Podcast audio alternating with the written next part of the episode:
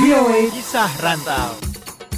Halo pendengar VOA Kisah Rantau, apa kabar? Kembali bersama Dewi Sulianti dari VOA di Washington DC. Kali ini ada obrolan bersama Eka Rahayu tentang pengalamannya buka usaha salon di rumah dan menjalankan puasa di Amerika sekarang ibu rumah tangga sambil ngerjain rambut di rumah, kadang bantu di salon gitu hari Sabtu sama Jumat. Usaha rambut tuh maksudnya apa nih? Waktu datang ke sini tuh kan nggak punya teman, terus kebetulan teman pada jualan baju, jadi iseng-iseng tuh jualan baju online gitu, baju batik, ada baju kebaya, ada baju muslim. Terus lama-lama tuh punya anak, jadi waktunya banyak terkurang. Akhirnya ambil sekolah kosmetologi yang untuk potong potong rambut. Terus sekarang kan udah lulus, jadi ada buka lesson gitu di rumah.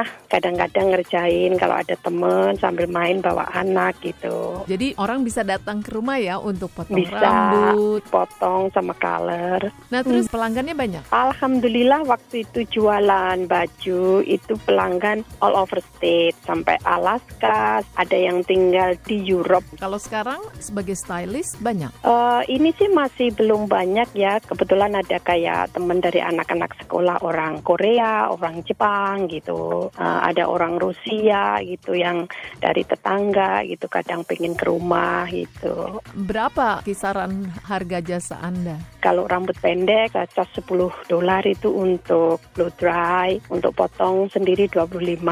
Kalau untuk color sih saya charge untuk retouch 45, untuk full color saya charge 65 ke atas gitu.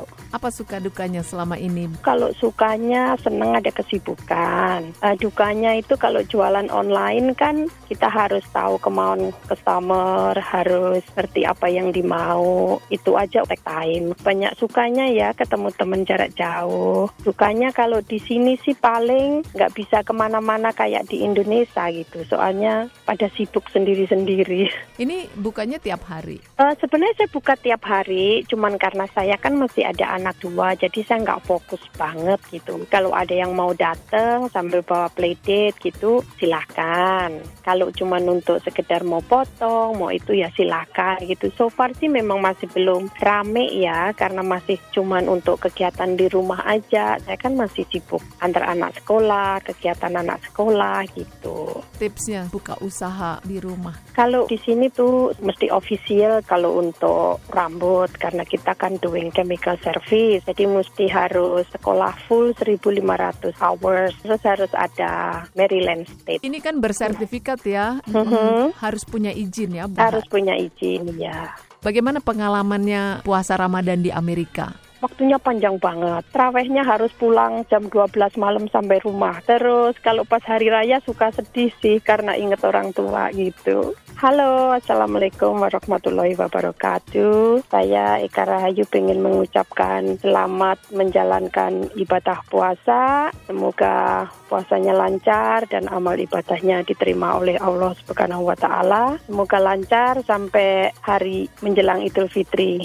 Waalaikumsalam warahmatullahi wabarakatuh. Selamat berpuasa bagi yang menjalankannya. Dari VOA di Washington DC, Dewi Sulianti pamit. Voice of America.